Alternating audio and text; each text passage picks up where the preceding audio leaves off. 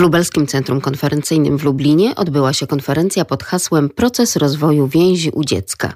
Konferencję zorganizował Regionalny Ośrodek Polityki Społecznej w Lublinie. Konferencja miała na celu podkreślenie znaczenia wpływu wczesnych doświadczeń emocjonalnych na rozwój dziecka oraz możliwości udzielenia wielozakresowego wsparcia w sytuacji dysfunkcjonalności rodziny biologicznej.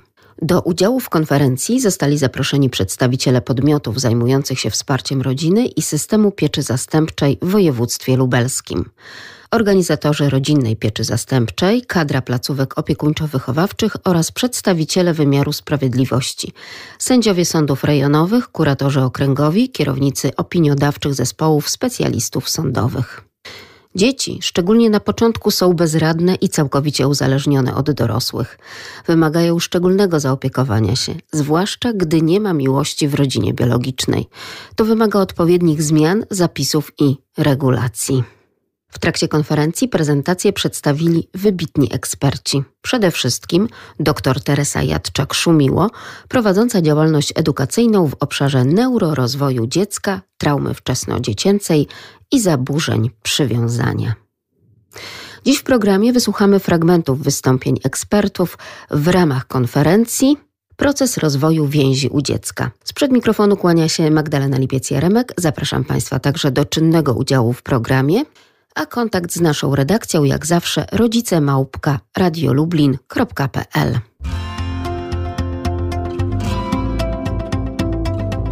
My, rodzice.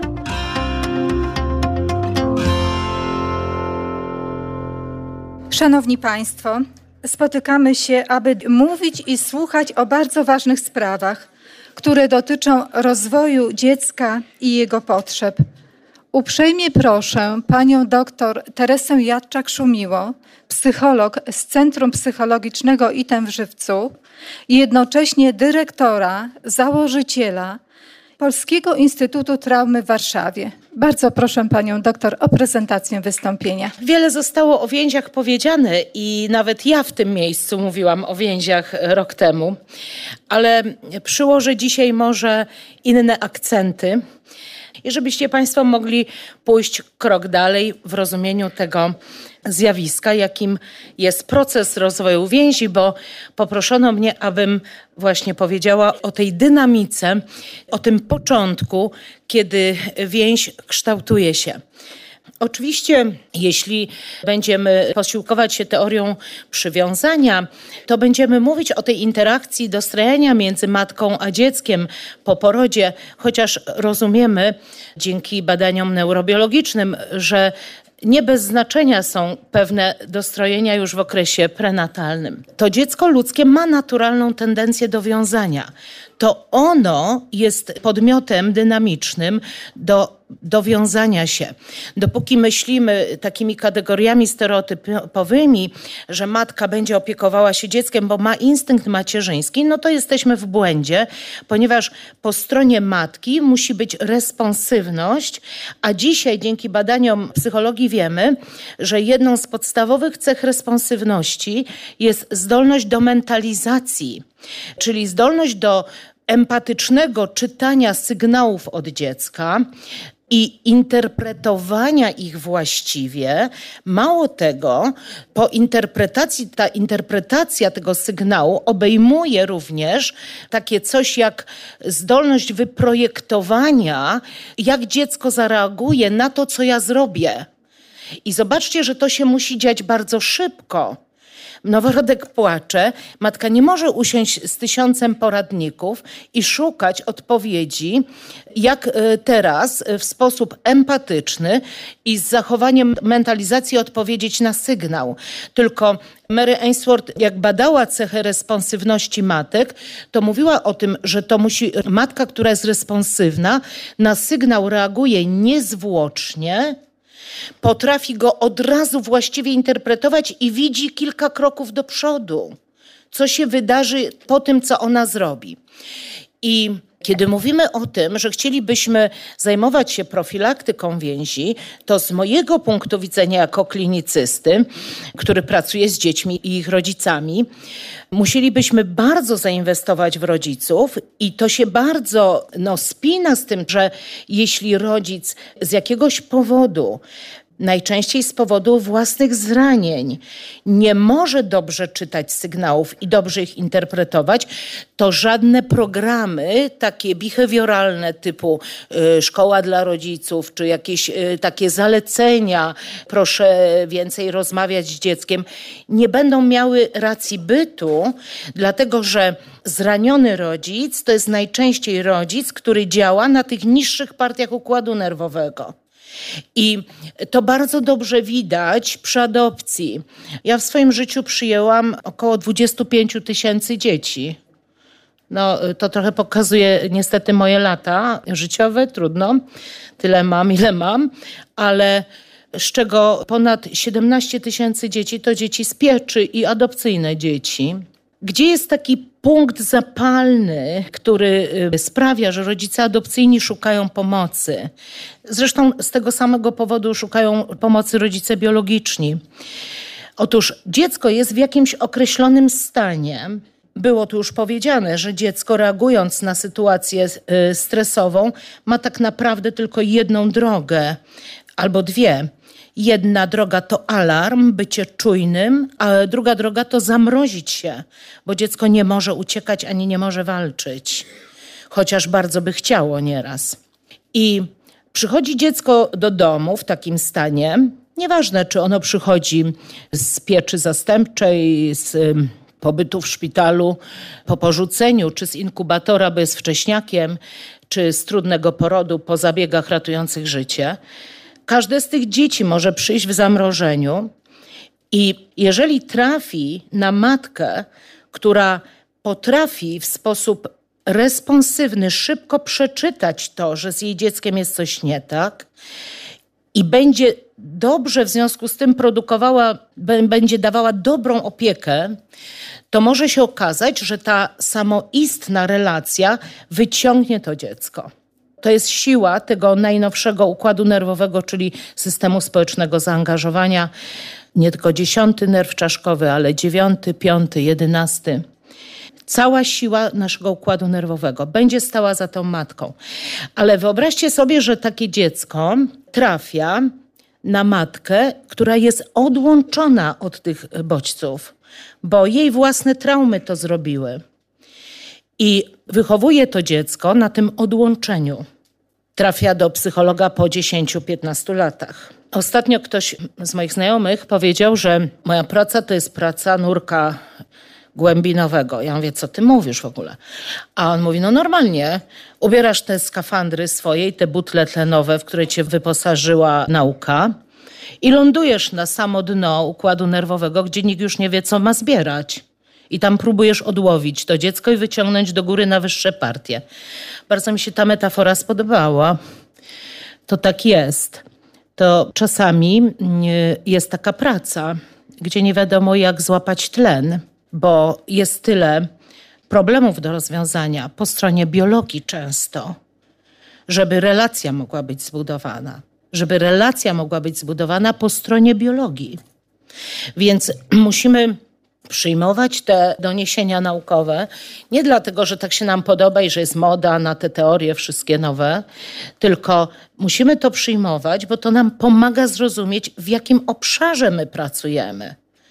Że my nie pracujemy tylko na zachowaniach behawioralnych, że my nie możemy do dziecka, które ma zaburzenia więzi, przyłożyć terapii poznawczo-behawioralnej, bo zginie terapeuta i zginie to dziecko. Po prostu. A dzisiaj, kiedy patrzymy na pomoc, którą dostają dzieci, to najczęściej dostają te procedury behawioralne. I z tego są rozczarowania, i z tego są porażki, bo początek jest inny. Rodzi się dziecko, jest wyposażony w cały system y, sygnałów, które mają pomóc mu przywołać matkę. Po co mu to jest potrzebne? Dziecko ludzkie ma niedojrzały układ nerwowy. Będzie potrzebowało rozwinąć najwyższe partie układu nerwowego i będzie mogło je rozwinąć tylko w relacji z drugim dorosłym człowiekiem. Nie może go rozwinąć z nikim innym, nie może go rozwinąć samo, nie rozwinie ich w żłobku, nie rozwinie ich z innymi dziećmi, jak już tu było powiedziane. Musi je rozwinąć z dorosłym, dojrzałym, bezpiecznym człowiekiem. Doświadczenie relacji z matką twarzą w twarz to jest doświadczenie nie do przecenienia. To tak się wydaje, że są w kontakcie, co to takiego jest. Ale oczy drugiego człowieka, głębia spojrzenia matki i Alan Shore, który pierwszy badał rozwój mózgu dziecka w interakcjach i w rozwoju po narodzinach, powie, że dziecko ludzkie, żeby mózg mógł rosnąć, mówię to zupełnie odpowiedzialnie, czyli żeby komórki nerwowe mogły się namnażać, żeby mózg mógł wzrastać, musi w spojrzeniu opiekuna podstawowego, czyli matki, widzieć zachwyt. Bo kiedy widzi smutek, to nie będzie już tak szło jak trzeba. Kiedy widzi zmęczenie, też nie. Jeśli mówimy o profilaktyce więzi dla znaczenia naszej populacji, to nie możemy zapominać o 65% kobiet, które ze szpitala wychodzi w stanie baby blue, bo tak mówią badania.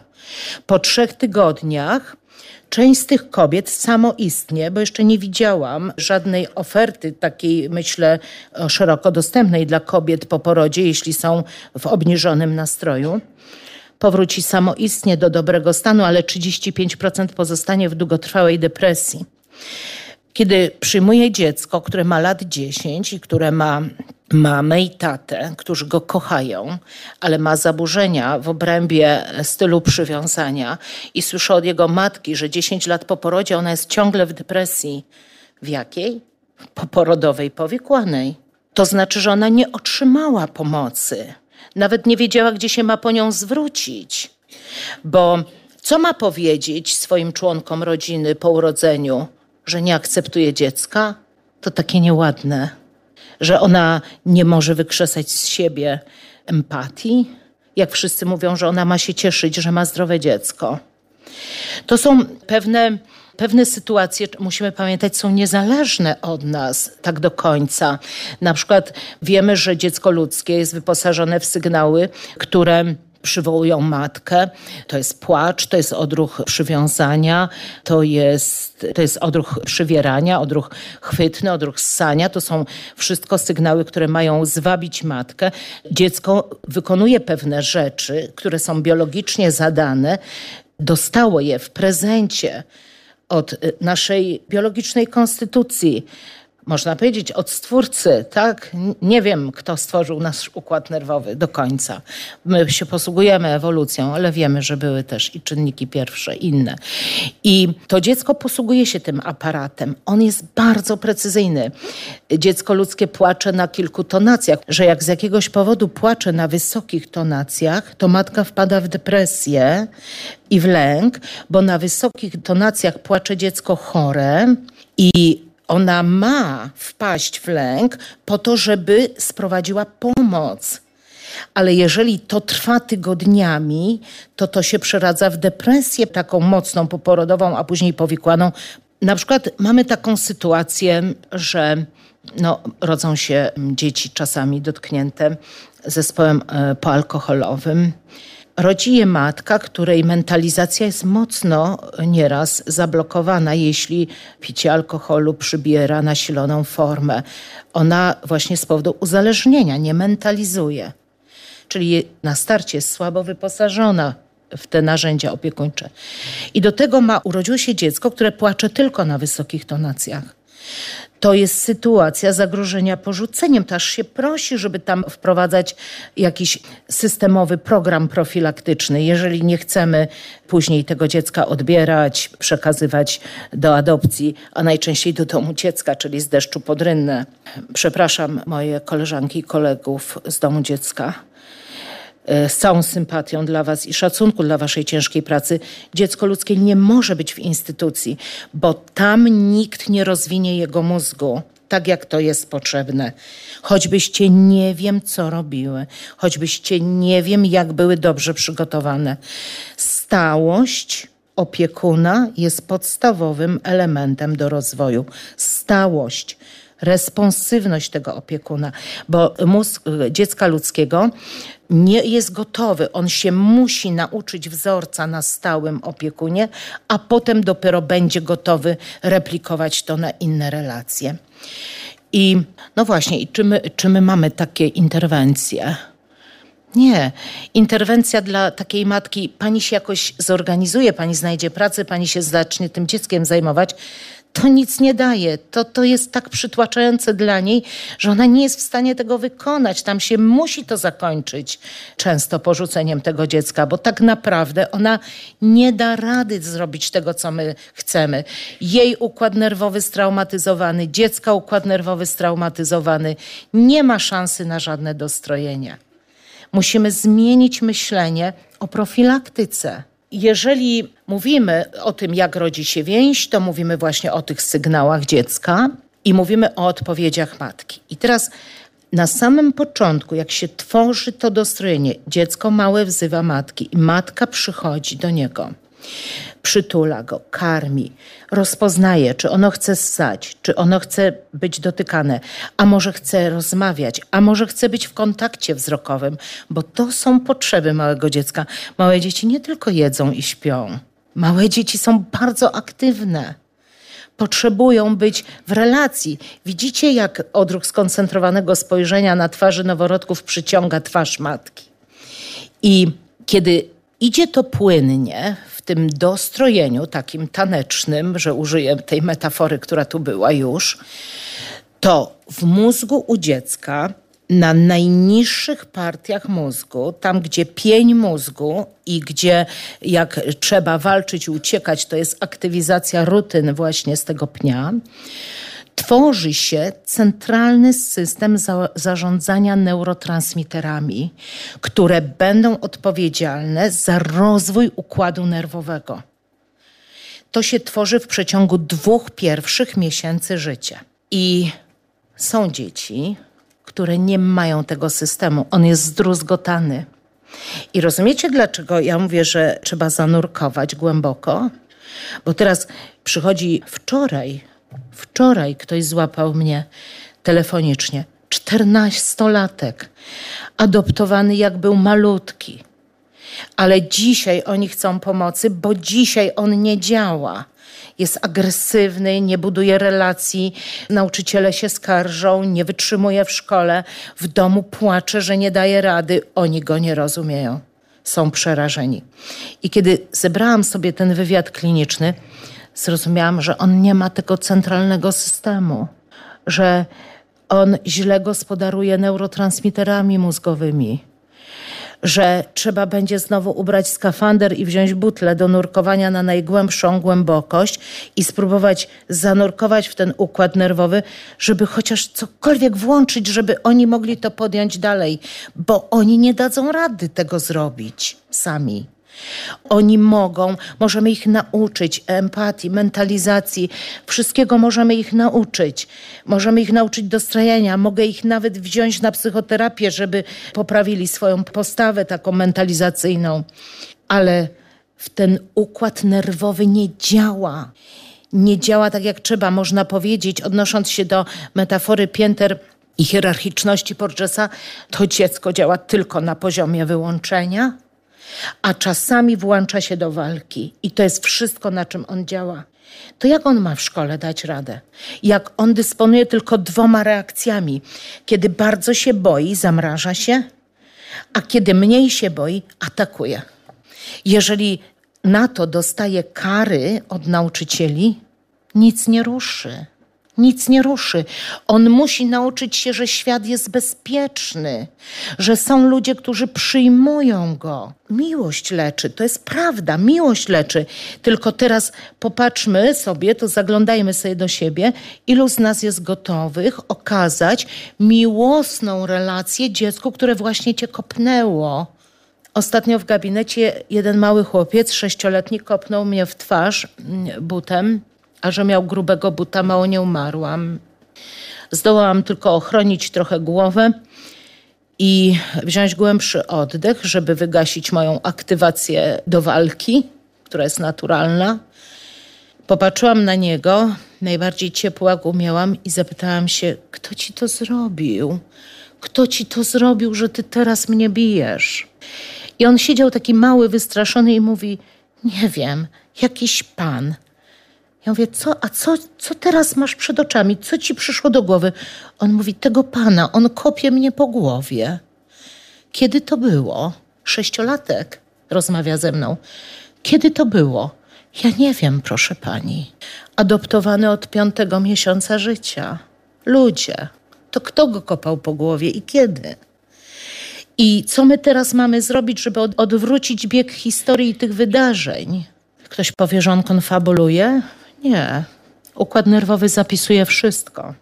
Owszem, nie pamiętamy czasem zdarzeń z fazy przedwerbalnej, ale jeżeli jesteśmy w ogromnym zagrożeniu, to pamiętamy w formie takich błysków, który być może pojawił się w umyśle tego dziecka, kiedy zapytałam go, zamiast mu oddać, kto ci to zrobił.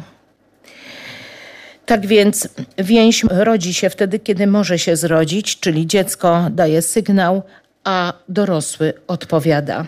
Musimy sobie powiedzieć jasno, przy całym szacunku dla biologicznych rodziców i wiem, jak ważne jest to, żeby dziecko nie doświadczało traumy separacji, są ludzie, u których dzieci zostać nie mogą. Dlatego, że jak tam zostaną, będziemy musieli budować szpitale psychiatryczne i więzienia. I musimy zacząć widzieć tą korelację. Musimy zacząć widzieć znaczenie wczesnej opieki.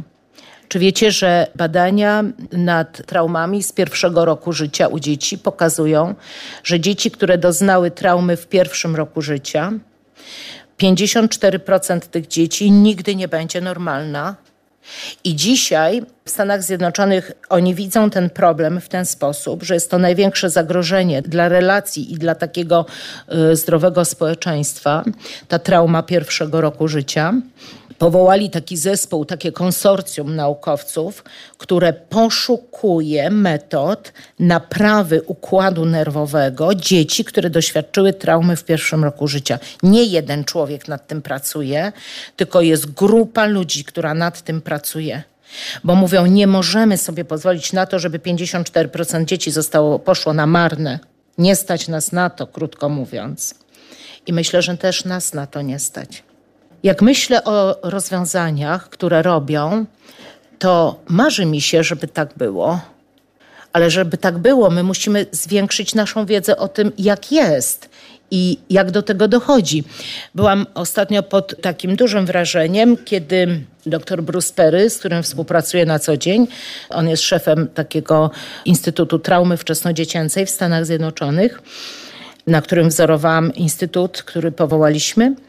Powiedział, że na przykład zrobili taki jeden prosty ruch w szpitalach neonatologicznych, że wiadomo, leżą wcześniaki tam urodzone w inkubatorach, muszą leżeć, żeby przetrwać, a czasami leżą tam bardzo długo. Przez y, nawet kilka miesięcy.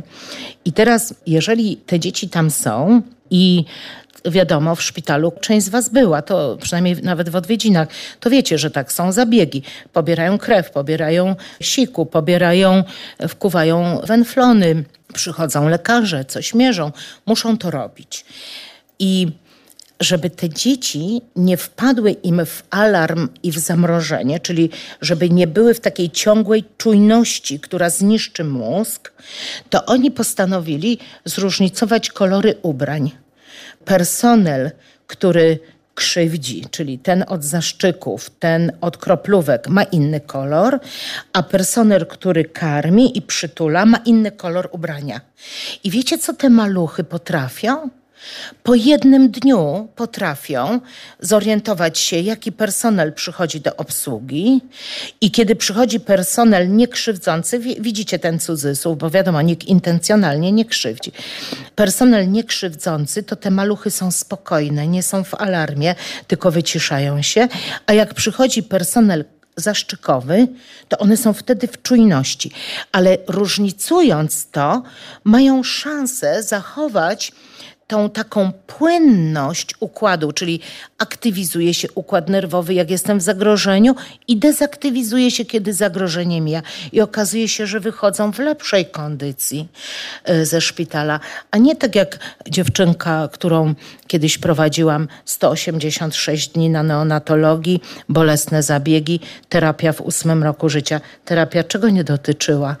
Kompletnego zdruzgotania więzi między nią a matką bo nawet jak już wyszła po tym szpitalu, to nie były w stanie się dostroić, bo ten szpital zniszczył wszystko, co można było zniszczyć, bo dziecko było poddawane bolesnym zabiegom, które układ nerwowy zapamiętał, a matka każdego dnia liczyła minuty, czy jej dziecko przeżyje, czy nie. Była świadoma, ile trzeba było zabiegów reanimujących, systemu wspierającego oddychanie, żeby jej dziecko wyżyło. To jest trauma dla matki, czy nie?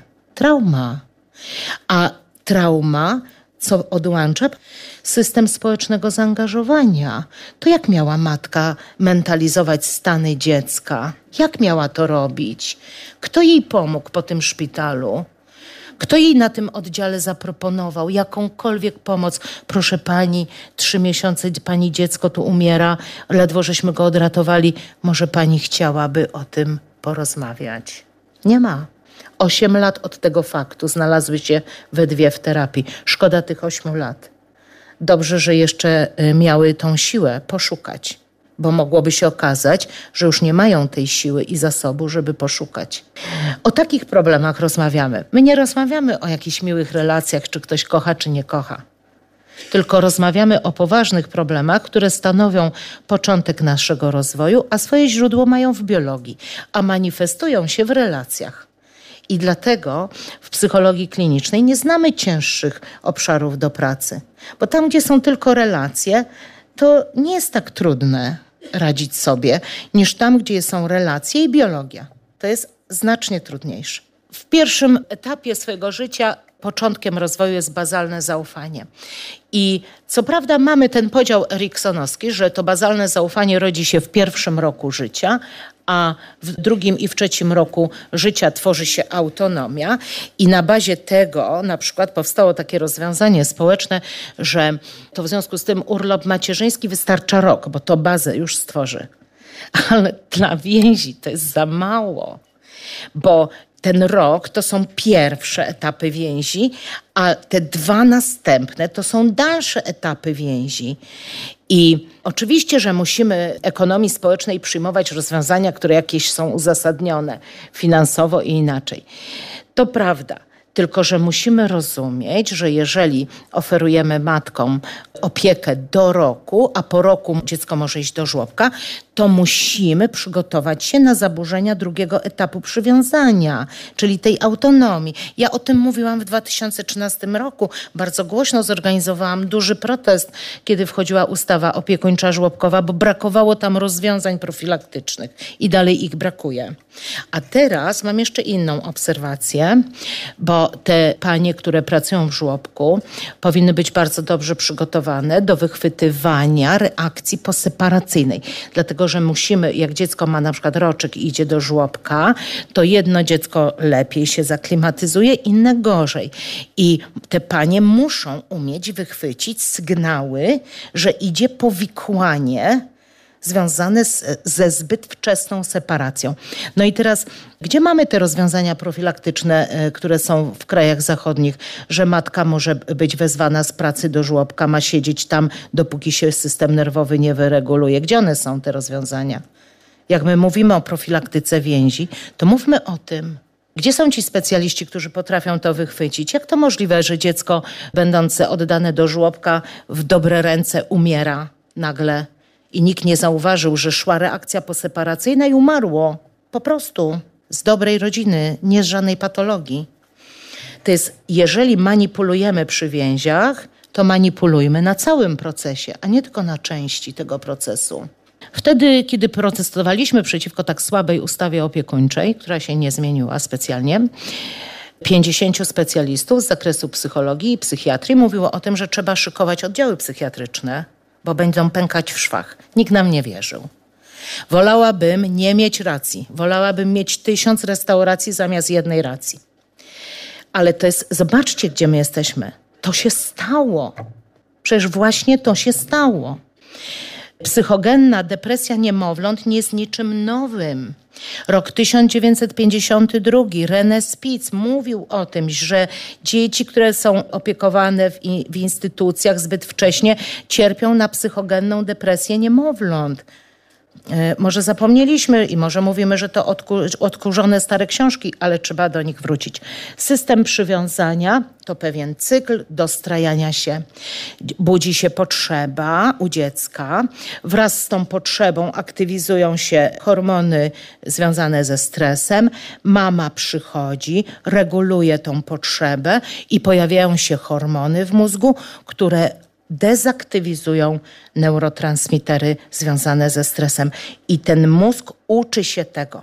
Jak on się tego nie nauczy we wczesnym okresie, to potem są różne trudności.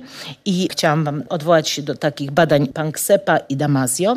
Panksep to bardzo dobrze wytłumaczył.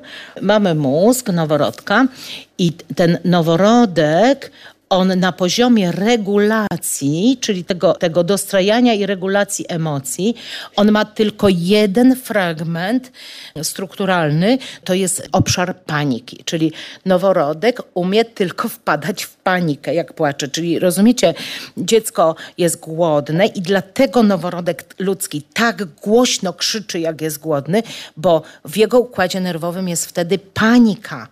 I dobrze by było, żeby matki E, wiedziały, że trzeba iść niezwłocznie, żeby tą panikę wygasić, a nie jakiś poradnik 5, 10, 15.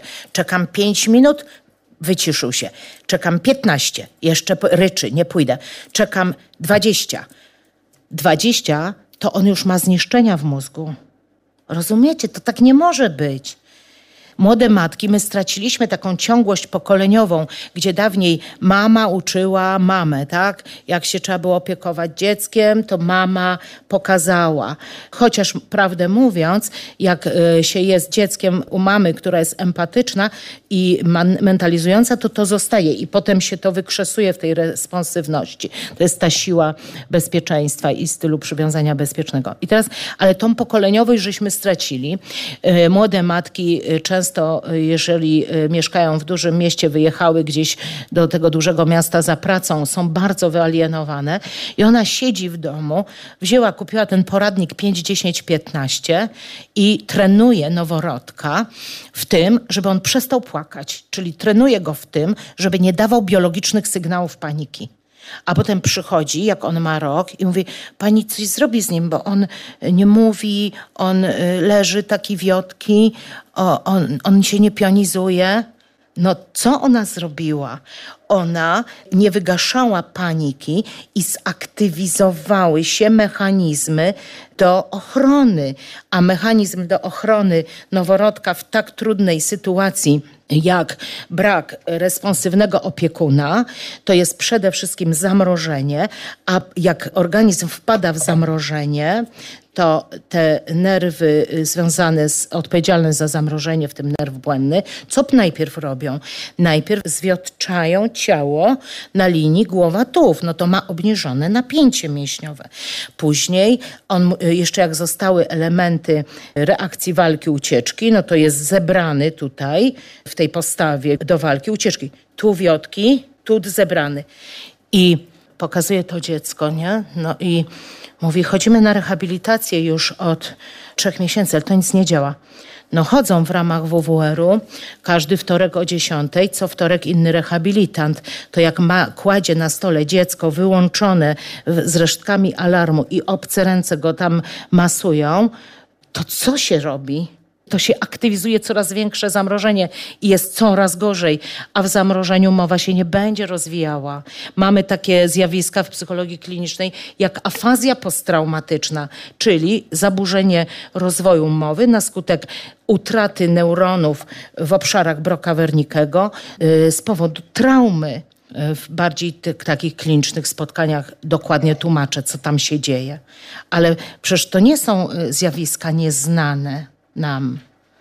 I teraz gdzie mowa? Ona, y, dobrze, to ona idzie z tym dzieckiem do logopedy i trenują mowę. nie daj Boże jeszcze behawioralną metodą, gdzie dziecko ma kary w postaci szczypania w rękę albo przytrzymywania nogą krzesełka, żeby nie wstawało i ćwiczyło tą mowę. Nie daj Boże, bo okaże się, że te resztki, które, na których jeszcze żeśmy mogli zbudować, właśnie zostały zniszczone. Bo żeby ona, ono mowę odzyskało, to trzeba wyłączyć tą reakcję zamrażania się. Trzeba alarm wyłączyć, trzeba udrożnić ten mózg, żeby mogło sięgać do tych wyższych partii, a nie tylko na tych bazowych być, bo tam się mowy nikt nie uczy. Kto jak ma ocalić życie, to tam mowa jest mu potrzebna. Musi umieć biegać szybko i dobrze się bić i szybko uciec. Tam mowa mu potrzebna. Do czego? Do rozmowy z tym atakującym niedźwiedziem? Przecież to są mechanizmy, które mamy od tysięcy lat wypracowane przez nasz układ nerwowy. Tak więc jak dziecko wpada w panikę, moi drodzy, to ma matka musi przyjść. Musi wygasić tą panikę i teraz tak. Tutaj mamy zaznaczone takie substancje, jak mm, substancja szarawo-dociągowa typu PAK, bo teraz tam, tam się dzieje taki swoisty koktajl neurobiologiczny. Dziecko wpada w panikę, no to y, głównie tam mózg zalewają glukokortykoidy adrenalina, kortyzol i pochodne. A kiedy matka łagodzi to, to w mózgu pojawiają się hormony, które regulują pracę glukokortykoidów i najważniejsze z tych substancji to jest substancja właśnie szara wodociągowa typu PAK, to jest noradrenalina, to jest dopamina, wazopresyna i oksytocyna jest ten układ paniki, ciało migdałowate dało sygnał, że e, no, dziecko głodne, to trzeba dać tą panikę.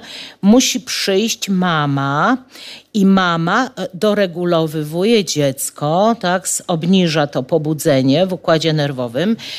I jak ona, ona ma trzy drogi do tego, żeby wyregulować to dziecko. Dotyk, dotyk, niebagatelna droga, Możecie sobie wyeksperymentować, kiedy nawet w formie sztucznej dotykam kogoś, kiedy jestem na niego wściekła i dotykam kogoś, kiedy jestem pełna miłości. To co ja przekazuję tym dotykiem? Bardzo istotną informację. Więc dotyk musi być taki zabarwiony emocjami właśnie miłosnymi, a nie agresją. Druga ścieżka, którą ona przekazuje regulację, to wzrok. Bardzo silny mechanizm. Dzięki Porgesowi wiemy, jak mocno zakotwiczony w układzie nerwowym i bez tego kontaktu wzrokowego, bez tych interakcji miłosnych, żeby dziecko zobaczyło zachwyt w oczach matki, mózg nie rośnie. Nie rośnie mózg. I to y, wiemy, że tak jest. Z badań to wiemy, między innymi Brusa Perego. I trzecia droga, którą ta matka ma do tego łagodzenia, to mleko. Mleko jest słodkie, jest tam laktoza, a jest jeszcze taka różnica między mlekiem matki a mlekiem sztucznym, chociaż na szczęście y, na sztucznym to dziecko też się może wychować, także nie, nie wpadajcie w panikę te mamy, które karmią sztucznie, ale mleko matki to naturalne ma taką wyższość nad sztucznym mlekiem, że są tam cząsteczki CX3 i to są narkotyczne cząsteczki, które wprowadzają dziecko w stan błogości te zachowania, dotyk, wzrok i mleko, a za tym dotykiem i wzrokiem emocje, które są pełne akceptacji i miłości, sprawiają, że wyrzuca się najpierw substancja wodociągowa szara typu PAK. I to jest narkotyk z grupy opoidów. I jak człowiek się nasyci tym w dzieciństwie, to do głowy mu nie przychodzi, żeby szukać jakiejś substancji na zewnątrz, która by mu to miała dać. Wiecie, co doktor Gabor Mate powiedział o tej sytuacji, kiedy dziecko nie ma szansy wyrzucać tej substancji, że to jest czarna dziura jak otchłań w mózgu, którą całe życie będziesz chciał czymś zapełnić, ale nie ma takiej substancji na zewnątrz. Ani w grach komputerowych, ani w alkoholu, ani w narkotykach, ani w dopalaczach. Dlatego będziesz coraz bardziej mnożył te zachowania. Może seks kompulsywny, może gra komputerowa, a może gra i seks i alkohol razem, a może jeszcze do tego jakiś narkotyk. Ale czarna dziura pozostaje. I może ją wypełnić tylko jedno uczucie miłość do tej osoby to pokażcie mi tę rzeszę y, ludzi, którzy pokochają tego narkomana leżącego opitego. Czy możemy im to w ogóle dać? Co my musimy zmienić w psychoterapii uzależnień? Co się dzieje? Popatrzmy na nowy program dla psychoterapeutów uzależnień. Co my możemy zrobić w psychoterapii uzależnień, żeby była skuteczna? Bo już wiemy, że ta behawioralna nie działa. To już dotarło do nas, że trzeba było zmienić program i zmienić kształcenie i wprowadzać wątki zupełnie inne, które wymagają od psychoterapeuty zupełnie innych narzędzi niż dystans psychoterapeutyczny. Jaki dystans? Co w tym dystansie chcesz zrobić? Układu nerwowego w dystansie nie zmienisz. Kiedy to się wszystko zadzieje, kiedy ta substancja wodociągowa typu PAK się wyrzuci, to później wyzwala się cały system znoszący działanie adrenaliny i pojawia się taki proces, który programuje neurony miejsca sinawego.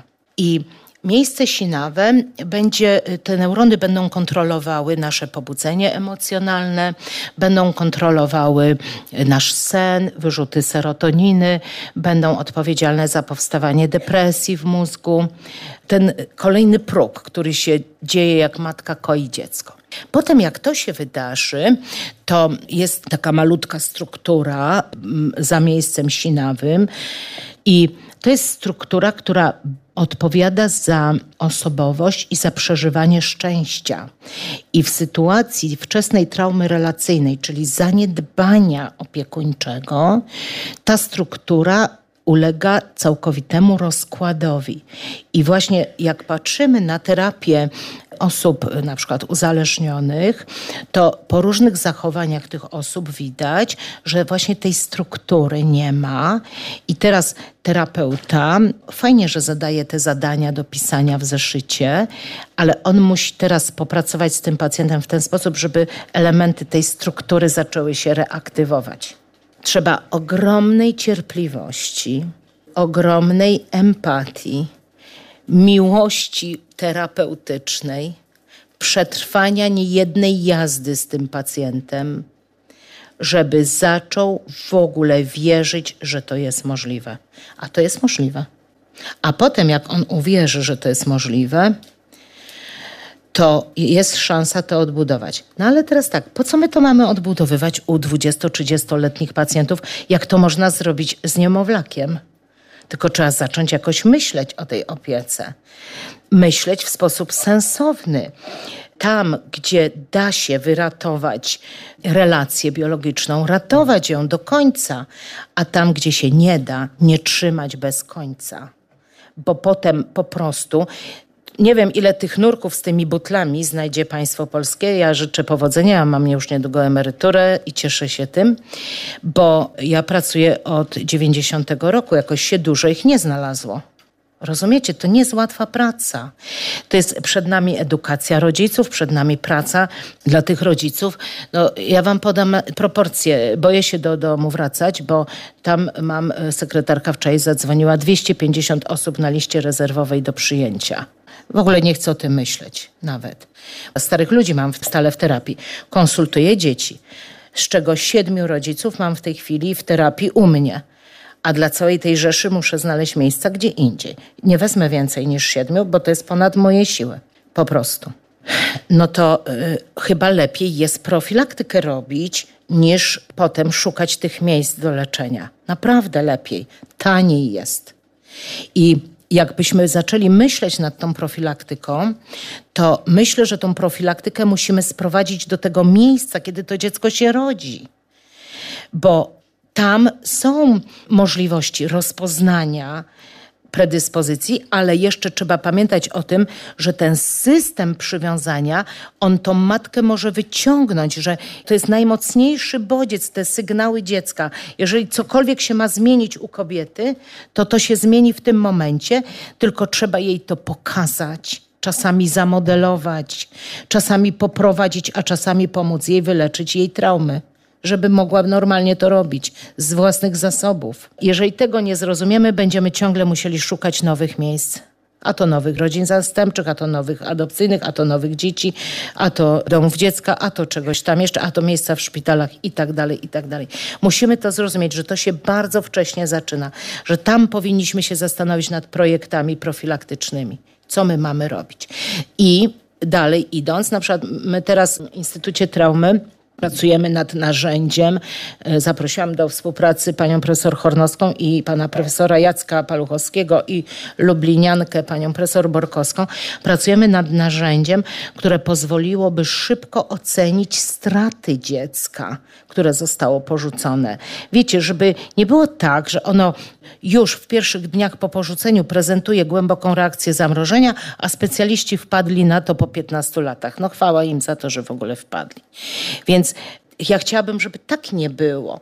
Tylko, że jeżeli tak się zdarza, że na przykład jedna z moich pacjentek wpadła w reakcję zamrożenia w momencie, kiedy mama odeszła od łóżeczka od, w szpitalu i zostawiła ją tam, i tam się rozpoczęła jej gehenna bycia w tym zamrożeniu, to żeby te osoby, które podejmują dziecko, czyli nie wiem, pielęgniarka, pediatra, psycholog, pedagog, żeby od razu umiał zobaczyć to jaki jest stan tego noworodka. Ona do mnie trafiła w wieku lat 16, jak się cięła, bo wtedy przyszły hormony dojrzewania. Te hormony dojrzewania tak uderzyły w ten wątły system nerwowy, że ona już nie dawała rady w zamrożeniu wytrwać, nie wiedziała, co się z nią dzieje i zaczęła się ciąć, żeby przetrwać. I wtedy wpadli na pomysł, że trzeba ją do psychologa. A ona była zamrożona od, od tej trzeciej doby, kiedy ta matka wyszła ze szpitala tyle czasu. Rozwijała się na, tak nie powiem nawet, że na pół gwizdka. W tym zamrożeniu coś się rozwijała. Ale jaka ona musiała być zdolna, że ona w ogóle się rozwijała.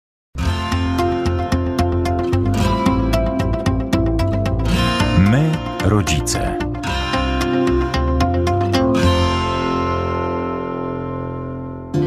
Jeśli jesteś w ciąży lub właśnie urodziłaś dziecko i nie wiesz, czy podołasz jego wychowaniu, być może jesteś w trudnej sytuacji osobistej i nie możesz zaopiekować się swoim dzieckiem. Zastanawiasz się, co możesz zrobić. Skontaktuj się z ośrodkiem adopcyjnym w Lublinie. Jeżeli zdecydujesz się o oddaniu dziecka do adopcji, zadbamy o to, aby trafiło do kochającej rodziny. Nie musisz decydować od razu. Masz co najmniej 6 tygodni od urodzenia dziecka na podjęcie decyzji. Rodzice adopcyjni otoczą je troskliwą opieką. Zapewnią dom pełen miłości i czułości. Twoje dziecko będzie kochane. W ubiegłym roku w placówkach opiekuńczo-wychowawczych przebywało ponad 900 dzieci. Istniejące rodziny zastępcze to zbyt mało, by. W ubiegłym roku w placówkach opiekuńczo-wychowawczych przebywało ponad 900 dzieci.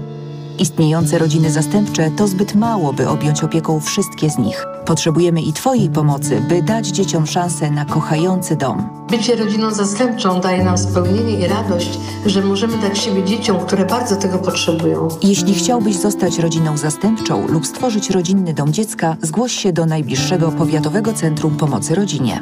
Zostań rodziną zastępczą.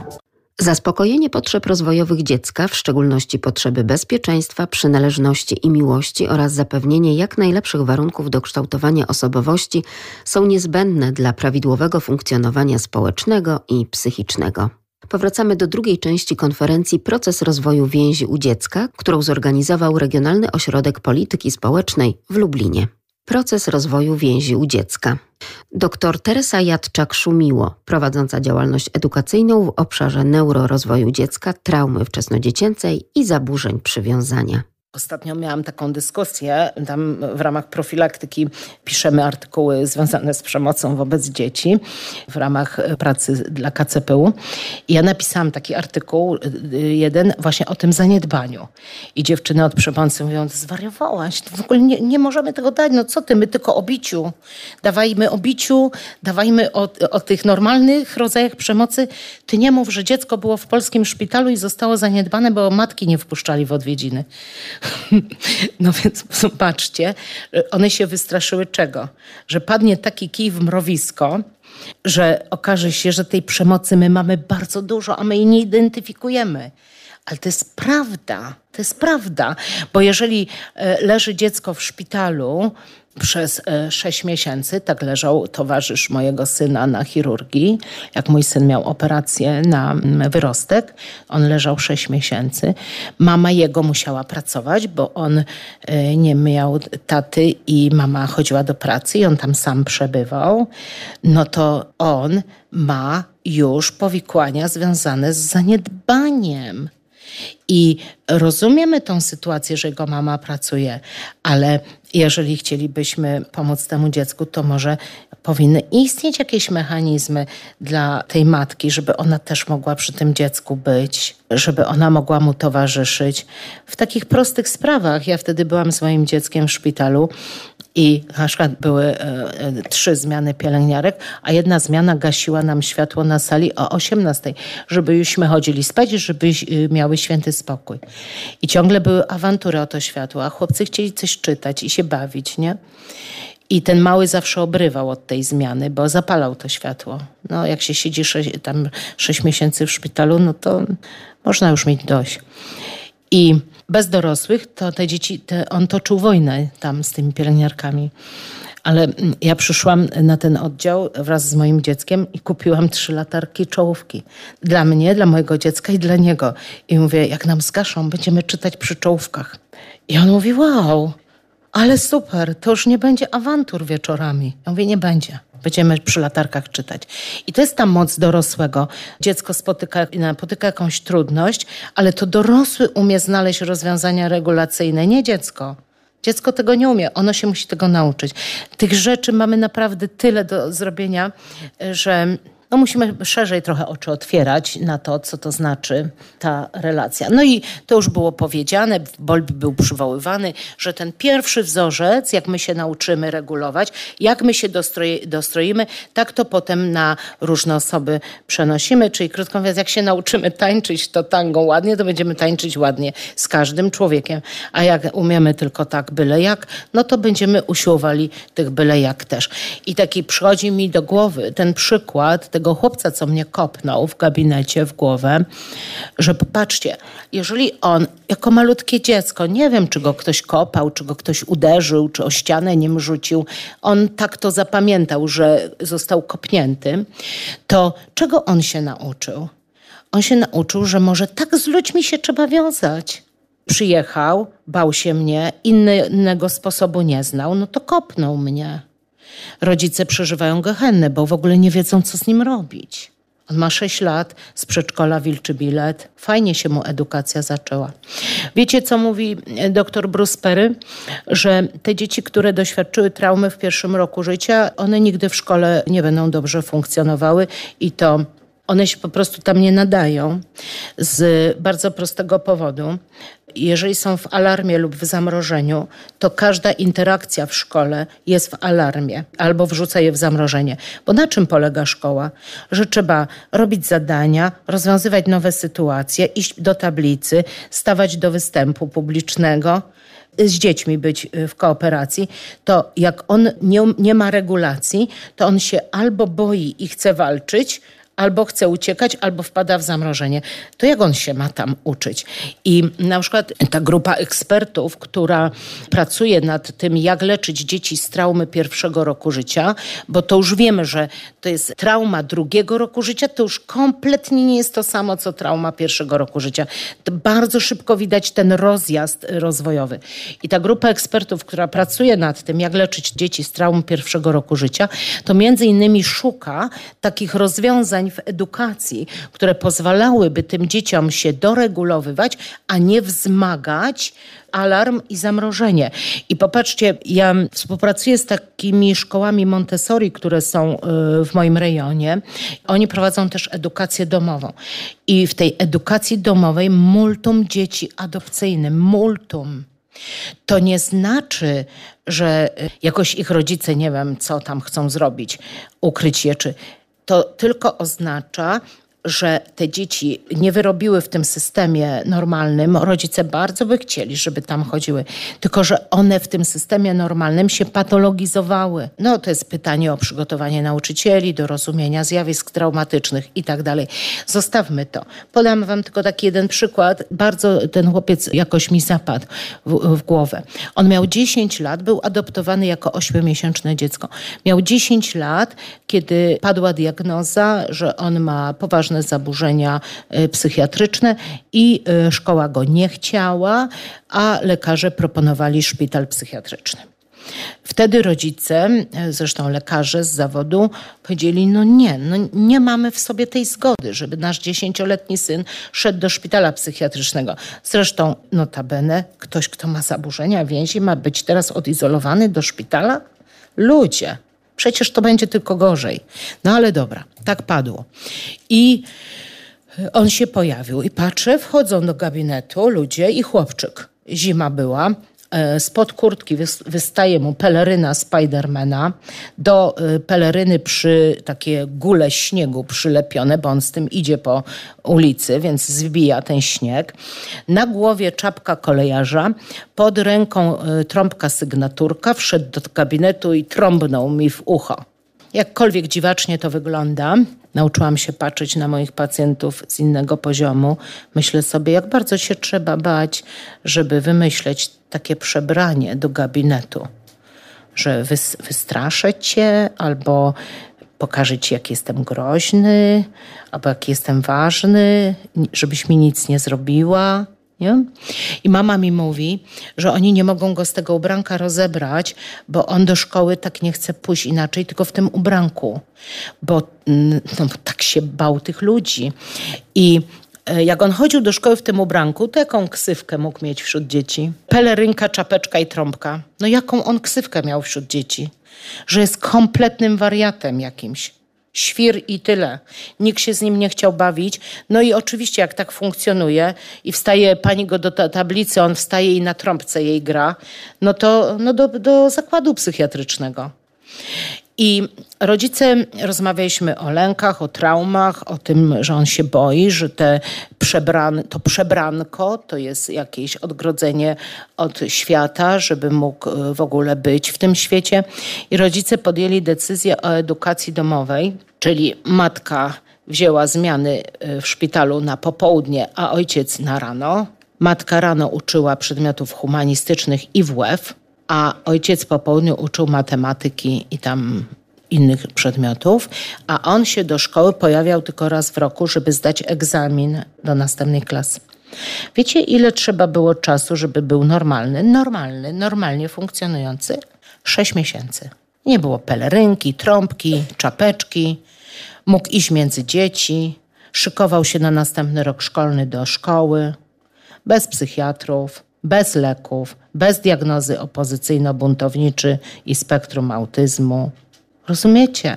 To jest, odbudowali tą strukturę do osobowości, tą strukturę bez lęku, te fragmenty mózgu, które pozwalają mu doregulowywać się. Ale musieli mieć diagnozę do tego, musieli dostać wskazówki, musieli umieć to robić, musieli na czas leczenia odizolować go od ludzi, którzy by to nasilali, bo te wszystkie dwóje, te uwagi, tylko by to nasilało, po prostu. Nie dlatego, że ta szkoła publiczna jest zła. Ja tam nie znam się na szkole, nie chcę nawet w takiej debacie uczestniczyć, czy zła, czy nie zła. Tylko chodzi o to, że ta sytuacja edukacyjna jest za bardzo stresująca dla kogoś, kto był dzieckiem poranionym w pierwszym roku życia. On nie da rady. Jego trzeba najpierw zrekonstruować. Tak by chyba trzeba było powiedzieć najlepiej. Przywiązanie rozwija się w czterech fazach. Pierwsza faza dziecko wysyła sygnały uwodzące do ludzi, żeby móc się z nimi związać. To jest do trzeciego miesiąca. Potem jest faza konsolidacji z wyłowionym opiekunem, czyli z matką. Później lub z tym, kto najczęściej przychodził, bo to dziecko ludzkie y, za matkę traktuje tą osobę, która najczęściej przychodzi, jest najbardziej stała i najlepiej reguluje ataki paniki. Jak to jest matka biologiczna, to jest łatwiej, bo matka biologiczna ma więcej tych kodów do regulacji. Później po okresie konsolidacji, czyli szóstego miesiąca życia, dziecko wie, kto jest jego matką i rozpoczyna się najważniejsza faza rozwojowa dla przywiązania. To jest okres lęku separacyjnego. To jest związane, z, y, to jest mechanizm obronny, lęk separacyjny. Pojawia się wraz z raczkowaniem, kiedy dziecko ludzkie uczy się raczkować i może odejść od matki, to jeżeli straci ją z oczu, wpada w panikę i wraca do niej lub wzywa ją, żeby ona przyszła i zobaczenie matki, wystarczy, że dziecko zobaczy matkę i ten lęk separacyjny opada. Wiecie, jaka jest tolerancja układu nerwowego na nieobecność matki w 9, 10, 11 miesiącu życia dziecka?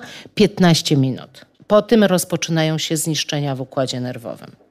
Więc jak matka mi mówi, ja sobie biegałam do pracy, ale tylko 4 godziny, no to ja jej nie pognębiam, ale wpisuję to sobie do karty jako znaczącą separacyjną reakcję związaną z zaniedbaniem opiekuńczym które może być kluczowe później dla stawiania diagnozy i szukania pomocy. 15 minut, bo 9, 10, 11 miesiąc do 14 miesiąca to jest epicentrum lęku separacyjnego. My dzieci, jeżeli oddajemy do żłobka po roku czasu, musimy się spodziewać powikłań, musimy się spodziewać. To trzeba by było być bardzo dużym optymistą lub kierować się niewiedzą, żeby uważać, że po tym, jak oddajemy dzieci do żłobka w pierwszym roku życia, nie będziemy mieć powikłań.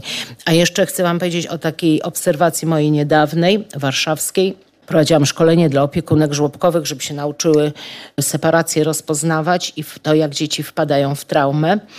I w grupie miałam część opiekunek y, Ukrainek, emigrantek, tak straumatyzowanych, że bez psychoterapii żadnych dzieci bym ich nie powierzyła. One wychowują nasze dzieci. Coś poszło nie tak, będą z tego kłopoty. Będą z tego kłopoty straumatyzowane, dotknięte wojną. Kobiety, które są w atakach paniki. Najpierw trzeba im pomóc, żeby dopuścić je do małych dzieci, bo będziemy mieli żniwo za chwilę inne. I nie chcę tego mówić, żeby je dyskryminować, ale wczoraj odbierałam interwencyjny telefon. Nie mam takiego luzu, żeby sobie w Lublinie tylko po kawiarniach biegać gdzie zadzwoniła matka, która e, swoją nastoletnią córkę, czternastoletnią córkę włożyła w taki program wolontarystyczny y, opieki dla uchodźców, bo chciała, żeby ta dziewczynka miała punkty do jakiegoś programu takiego później, wiecie, y, wyjazdowego. I dziewczynka przedwczoraj dostała ataku paniki w szkole, musiano wezwać pogotowie, matka poidentyfikowała różne stany. Ja z nią długo rozmawiałam i na pierwszy rzut oka, nie wiem, będę to dziecko oglądała w najbliższych dniach, ale na pierwszy taką moją pierwszą hipotezą to jest to, że ta dziewczynka pracowała ze straumatyzowanymi ludźmi. 14-letniemu dziecku powierzono jakieś zadania wśród straumatyzowanych ludzi.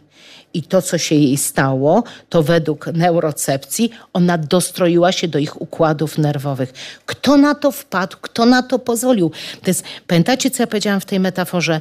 Idziesz do ludzi tak dotkniętych traumą, to musisz mieć skafander do nurkowania na głębokość. Co jest tym moim skafandrem? Superwizję, edukacja, zdolność regulacji, psychoterapia własna to jest ten skafander, w który ja się ubieram idąc do pracy, a tam ktoś czternastoletnie dziecko wpuścił bez skafandra. Pierwsze, co poprosiłam mamę, aby zakończyć ten eksperyment. Czternastoletnia dziewczynka nie może pomagać dziesięciu uchodźcom, którzy wpadli w bezradność, siedzą w piwnicy, nie pracują i popijają alkohol. Tam musi pójść specjalista wysokiej klasy, a nie 14-letnie dziecko w ramach programu wolontarystycznego. I musimy też popatrzeć, czy te opiekunki w żłobkach nadają się do opieki, czy zachowują responsywność i mentalizację, bo będziemy mieli kłopoty za chwilę. Mówiła dr Teresa Jadczak-Szumiło, a było to wystąpienie pod hasłem Proces rozwoju więzi. Przed nami Hanna Dufner na temat rozwoju więzi z perspektywy teorii poliwagalnej Stevena Porgesa. Temat, jaki, jaki chciałam dzisiaj Państwu przedstawić, to tworzenie więzi. Chciałam go tak troszeczkę może zacząć od trochę może kontrowersyjnej strony, a mianowicie od tego, że my jesteśmy tak nastawieni na to, że więzi tworzymy z dziećmi. Ja bym chciała, żebyśmy przyjrzeli się temu, w jaki sposób zaczynają się tak naprawdę tworzyć więzi, jak zaczyna się to wszystko od nas, od nas dorosłych. To znaczy to, co dzieje się z nami w czasie, kiedy my byliśmy dziećmi. Feletti pod koniec ubiegłego wieku przeprowadził bardzo ciekawe badanie dotyczące tego, w jaki sposób doświadczaliśmy nasze dzieciństwo. Badanie, z którego dowiadujemy się, że 65% osób tak naprawdę miało bardzo niekorzystne doświadczenia w tym okresie. Doświadczenia, które w przyszłości będą rzutować na to, w jaki sposób tworzymy więzi z dziećmi. Mówiąc tak optymistycznie, gdyby Państwo spojrzeli na siebie i pomyśleli sobie, dobrze, mnie to nie dotyczy, to będzie to dotyczyło osoby, która siedzi obok nas. Więc to jest takie trochę dające do myślenia. Z badań wiemy również, że około 95% przemocy ma miejsce w domu, za zamkniętymi drzwiami, tak, że tego nie widać. Wiemy również, że jeżeli ktoś doświadcza chociaż jednego, doświadczył chociaż jednego niekorzystnego doświadczenia, zdarzenia w dzieciństwie, to jest szansa, że 80% z tych osób doświadczyło również kolejnego i kolejnego i kolejnego. Także tworzenie więzi to nie tylko sprawa, czy zaburzone więzi, to nie tylko sprawa rodzin patologicznych.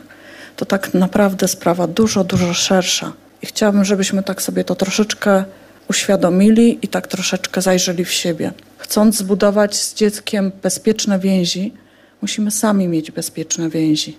Nasze doświadczenie może powodować to, że nie będziemy tego potrafili robić. Żebyśmy sobie uświadomili tak trochę, co Feletti miał na myśli, mówiąc czy definiując niekorzystne doświadczenia, króciutko je przedstawię. Przemoc emocjonalna w rodzinie, to znaczy te wszystkie wyzwiska, jesteś głupi, nic nie umiesz, nie potrafisz, na ciebie nie można liczyć. To są takie drobne rzeczy i każdy w sobie może, siebie może zapytać, czy aby to nie dotyczy nas. To przemoc fizyczna, czyli popychanie, szturkanie, może nawet bicie, to przemoc seksualna. I to nie tylko taka, nazwijmy to ostra, to też takie komentarze, jaka fajna z ciebie i tak dalej. To różnego rodzaju dysfunkcje w rodzinie pochodzenia. To alkoholizm, narkomania, to choroby psychiczne, z jakimi borykali się nasi rodzice. To może być schizofrenia, a to może być po prostu trauma.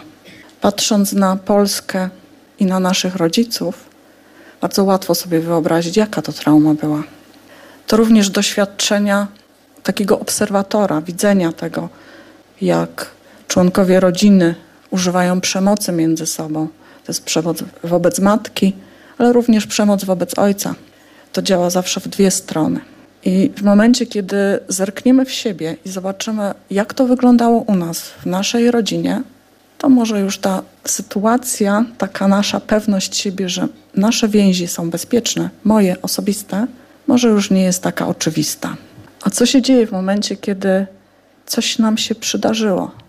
Zwiększona ilość depresji, uzależnienie od nikotyny, uzależnienia od narkotyków, próby samobójcze. Ale tak naprawdę skutki są dużo, dużo większe. Nie tylko dla nas osobiście, to także skutki dla społeczeństwa. To są koszty związane z opieką medyczną, to są koszty społeczne związane z różnymi świadczeniami, jakie trzeba później wypłacać. Ja nie będę przechodziła przez wszystkie te skutki. Chciałam tylko Państwa na to uczulić, że to nie tylko rodziny nazywane potocznie dysfunkcyjnymi, to czasami też my.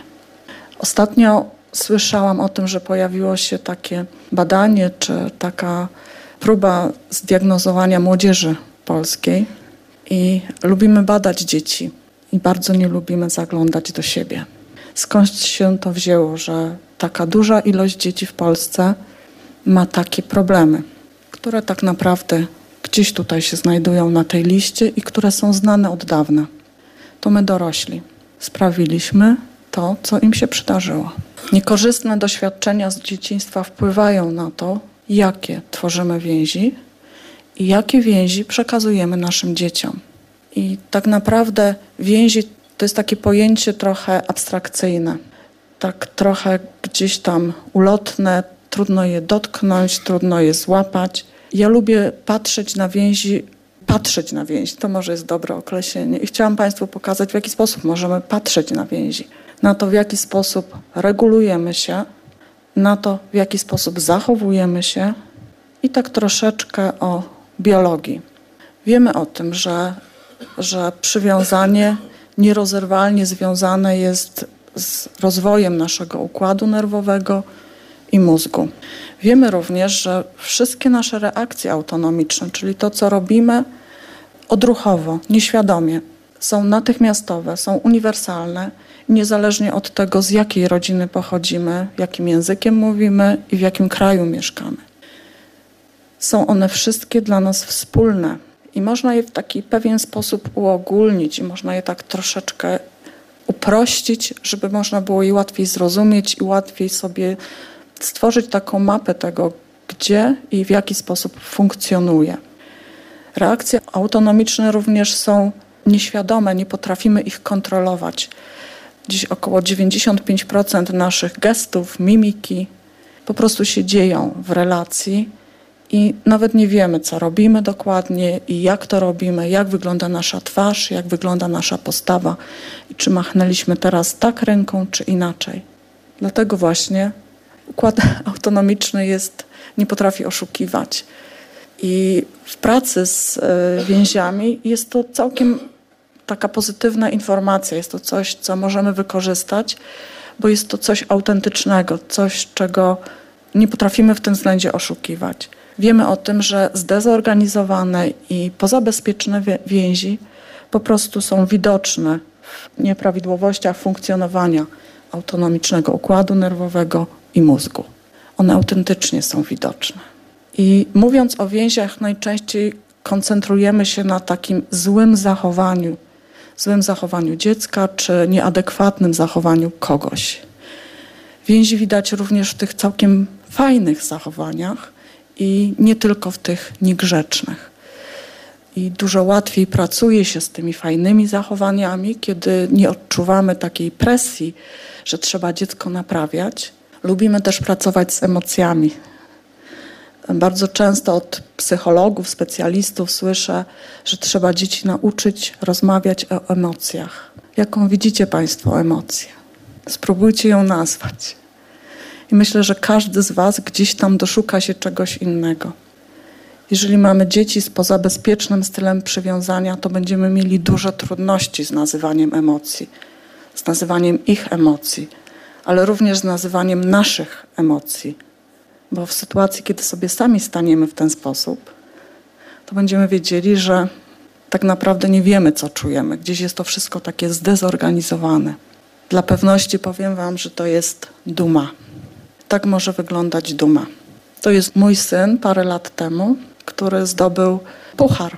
I właśnie robimy sobie sesję zdjęciową z pucharem, po to, żeby pokazać ją później rodzinie i światu. I jak duma jest taką, że tak powiem, bezpieczną emocją, która nie wywołuje w nas za dużo pobudzenia i nie ma tej adrenaliny, złości i innych rzeczy w nas, tak już przy złości też może wyglądać to zupełnie inaczej. Możemy złość mylić z innymi emocjami, takimi jak na przykład zmęczenie czy smutek. Więc zachęcam Państwa do tego, żebyście nauczyli się przyglądać dzieciom, przyglądać sobie, nie tylko w sytuacjach, kiedy nam podnosi się ciśnienie. Bardzo lubię przyglądać się więziom z perspektywy teorii poliwagalnej, ponieważ ona jest dla mnie taką mapą. Wiemy, że więzi i to, co, co, w jaki sposób one powstają, wszystko to gdzieś tam jest, mieści się, że tak powiem, w skrócie w mózgu, w tym, w jaki sposób on pracuje, reaguje, coś tam wydziela, co się tam przełącza, ale dla normalnego, nazwijmy to tak, i, i nieznającego specyfiki pracy mózgu rodzica może być to gdzieś tam bardzo odległe. Nie widzimy tego, jest dla nas to niedostępne. Teoria poliwagalna pozwala nam zobaczyć troszeczkę na zewnątrz to, co dzieje się w mózgu i to, co dzieje się w układzie nerwowym. Przedstawię Państwu tak trochę w skrócie założenia tej teorii. Pierwszym założeniem jest to, że nasz układ, autonomiczny układ nerwowy, czyli ten układ, który łączy mózg z ciałem, a mówiąc jeszcze bardziej dokładnie, który łączy mózg z mięśniami, z organami, ze skórą, powstał w wyniku ewolucji i powstał w kolejnych następujących po sobie etapach. Czyli było coś pierwsze, potem było coś następne i potem jeszcze następne. Kolejnym ważną, ważnym elementem teorii poliwagalnej jest to, że nasz układ nerwowy potrafi, ma wbudowane mechanizmy, które wyczuwają, wyłapują bezpieczeństwo i niebezpieczeństwo. Są to mechanizmy nieświadome. Stephen Porges nazwał ten mechanizm neurocepcją. I kolejnym ważnym elementem składowym teorii poliwagalnej to jest zjawisko koregulacji. Czyli mówiąc krócej, nasz układ nerwowy nie potrafi rozwijać się bez układu nerwowego drugiego człowieka. Jeżeli chodzi o dzieci, to układ nerwowy dziecka nie potrafi się rozwijać bez układu nerwowego dorosłego człowieka. Zajrzyjmy sobie tak więc trochę do tego naszego układu nerwowego. Mamy układy, które powstały jako pierwsze. To jest układ przywspółczulny, dorzalny. Jest to układ najstarszy ewolucyjnie i jak Państwo widzą, gdzieś tam dochodzi tak naprawdę do wszystkich części naszego ciała jednak pierwotnie reguluje pracę naszych trzewi, czyli wszystkiego tego, co znajduje się pod przeponą. W literaturze ten układ nazywany jest układem, w literaturze polskiej nazywany jest układem grzbietowym. Może być to troszeczkę mylące, bo on, że tak powiem, zawiaduje głównie organami w brzuchu. Może jeszcze ten układ jest odpowiedzialny za takie nasze wyciszenie, umiejętności wyciszenia. Kolejnym układem jest układ rdzeniowy, współczulny. To jest układ, który pozwala nam na mobilizację. I to taką mobilizację nie tylko związaną z, z walką i ucieczką na przykład, ale też taką mobilizację naprawdę podstawową. Dzięki temu układowi jesteśmy w stanie wstać rano z łóżka i podjąć wszystkie nasze działania codzienne, to co żeśmy sobie zaplanowali. Kolejnym, nowszym układem jest tak zwany układ wentralny, to jest również układ przywspółczulny, układ wyciszający. Ten układ oparty jest na przede wszystkim, tak samo jak ten dorzalny, na nerwie błędnym. Jednak Stephen Porges w tym układzie wyróżnił również cztery inne nerwy czaszkowe, które razem z y, częścią nerwu błędnego tworzą tak zwany system społecznego zaangażowania. I tak wygląda w skrócie bardzo wielkim fizjologia naszego autonomicznego układu nerwowego. Ten system społecznego zaangażowania, tutaj się zatrzymam trochę dłużej, jest dość istotny, ponieważ to jest system, który, jeżeli jest aktywny, jeżeli go używamy aktywnie, to potrafi regulować te starsze obwody, te dwa pozostałe. I ten system, mimo że nazywany jest w polskiej literaturze brzusznym, układem brzusznym, znajduje się powyżej przepony, obejmuje swoim działaniem, swoją regulacją płuca, serce, wszystko to, co znajduje się na naszej twarzy. Jest odpowiedzialny za mimikę, jest odpowiedzialny za to, w jaki sposób mówimy, wypowiadamy się, jest odpowiedzialny również za to, w jaki sposób słyszymy. Ja w swojej pracy bardzo często używam takiego skrótu myślowego w postaci świateł ulicznych odwróconych do góry nogami i żeby przedstawić hierarchiczność, czyli w jaki sposób funkcjonuje ten, ten system, korzystam właśnie z takiej pomocy. Jeżeli czujemy się bezpiecznie, jeżeli nic się nie dzieje, co zakłóca nasze poczucie bezpieczeństwa, mamy do dyspozycji wszystkie trzy układy naszego autonomicznego układu nerwowego. I w zależności od tego, gdzie jesteśmy, co robimy, która aktywność jest w danym momencie bardziej pożądana, można powiedzieć, że te światła świecą z różnym natężeniem. Raz jest trochę jaśniejsze, raz jest trochę mocniejsze to światło. Uprawiamy jakiś sport na przykład, jesteśmy w towarzystwie ludzi, z którymi biegniemy gdzieś, robimy gdzieś tam jogging, to wiadomo będzie ta żółta część współczulna, bardziej aktywna, co nie oznacza, że te pozostałe gdzieś znikają. Są po prostu mniej aktywne, są, są wyciszone, ale że tak powiem, czekają na to, żeby móc się uaktywnić. Jeżeli zaś siedzicie Państwo tak jak tutaj, słuchacie mnie, ta część żółta jest wyciszona i bardziej aktywne są te dwie pozostałe części, części przywspółczulne. I tak się dzieje w momencie, kiedy czujemy się bezpiecznie. Jeżeli nasz układ nerwowy gdzieś wykryje jakieś zagrożenia, czy one będą realne, czy nam się tylko wydaje, dla układu nerwowego tak naprawdę nie ma to wielkiego znaczenia. Wówczas ta część najnowsza, socjalna, tak jakby wygasa. Może nie wygasa w całości, może czasami trochę mniej, trochę więcej, ale traci zdolność regulacji tych dwóch pozostałych części. I co się dzieje? Nasz układ nerwowy ma do dyspozycji w ten czas tak zwane strategie regulacyjne, strategie adaptacyjne. I w przypadku, kiedy aktywna jest ta część współczulna, uaktywniają się strategie związane z walką i ucieczką. To znaczy, może to wyglądać w ten sposób, że ktoś po prostu unika, wychodzi, ucieka, może nie tak w dosłownym sensie, ale tak po prostu stroni od innych ludzi. Może być tak, że, że jesteśmy w ten czas bardziej kłótliwi, bardziej agresywni, gdzieś tam może więcej krzyczymy, tłupiemy i bardziej jesteśmy niezadowoleni z tego, co się dzieje wokół nas, czy niezadowoleni z siebie. Jeżeli jednak z jakichś powodów ten układ nie może zadziałać, nie możemy ani uciec, ani walczyć, i tak dzieje się w przypadku na przykład bardzo małych dzieci, noworodek nie wstanie i nie ucieknie. Wówczas do dyspozycji, że tak powiem, mamy tylko już ten najstarszy układ. Układ, który umożliwia nam zamrożenie, bezruch, dysocjację. I my mamy w sobie wszystkie te możliwości autonomiczne.